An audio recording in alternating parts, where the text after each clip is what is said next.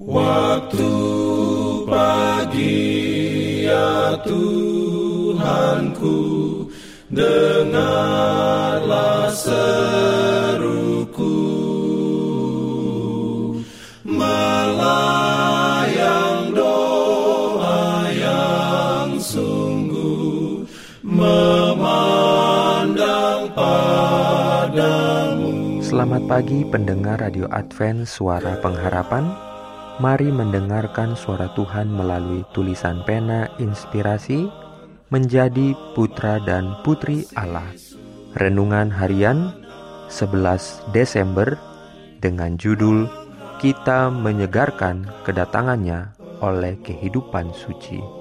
Ayat inti diambil dari 2 Petrus 3 ayat 11 dan 12. Firman Tuhan berbunyi, betapa suci dan salehnya kamu harus hidup, yaitu kamu yang menantikan dan mempercepat kedatangan hari Allah.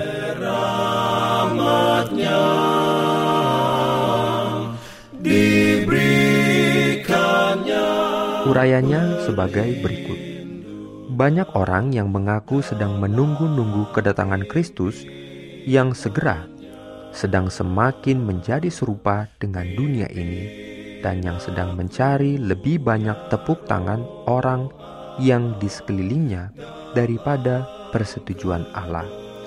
Banyak dari orang-orang ini yang mengaku dirinya Kristen, berpakaian, berbicara, dan bertindak seperti dunia, dan satu-satunya hal oleh mana mereka boleh dikenal ialah melalui pernyataan iman mereka.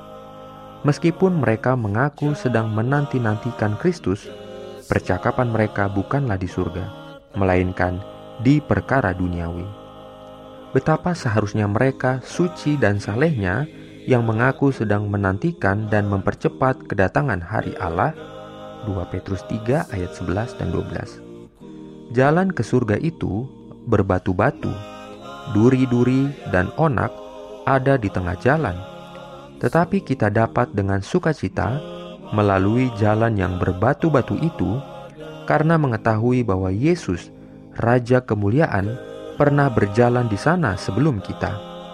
Kita akan bersukacita karena kita dapat mengikuti jejak kakinya dan menjadi orang-orang yang beroleh bagian dengan dia dalam kesengsaraannya, agar kita pada akhirnya boleh mendapat kemuliaannya. Bagaimana jika celaan ditimbunkan atas saya, bahkan oleh mereka yang mengaku sedang menunggu-nunggu kedatangan Tuhan? Apakah saya akan mengeluh, sedangkan Yesus menderita ejekan dan hinaan bangsanya sendiri?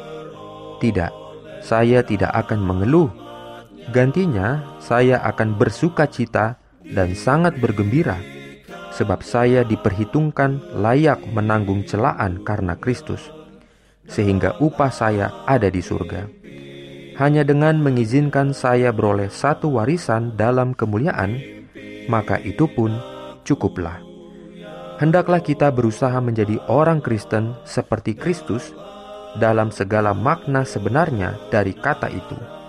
Dan biarlah pakaian kita, percakapan dan perbuatan kita mengajarkan bahwa Kristus ada terbentuk di dalam batin, pengharapan kemuliaan dan bahwa kita pun sedang menantikan pengharapan berkat dan mulia atas kedatangan Yesus.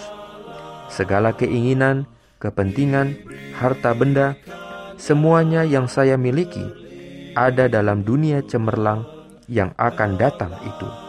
Saya ingin sekali memandang Raja itu dalam kemuliaannya. Amin. Pimpin aku ya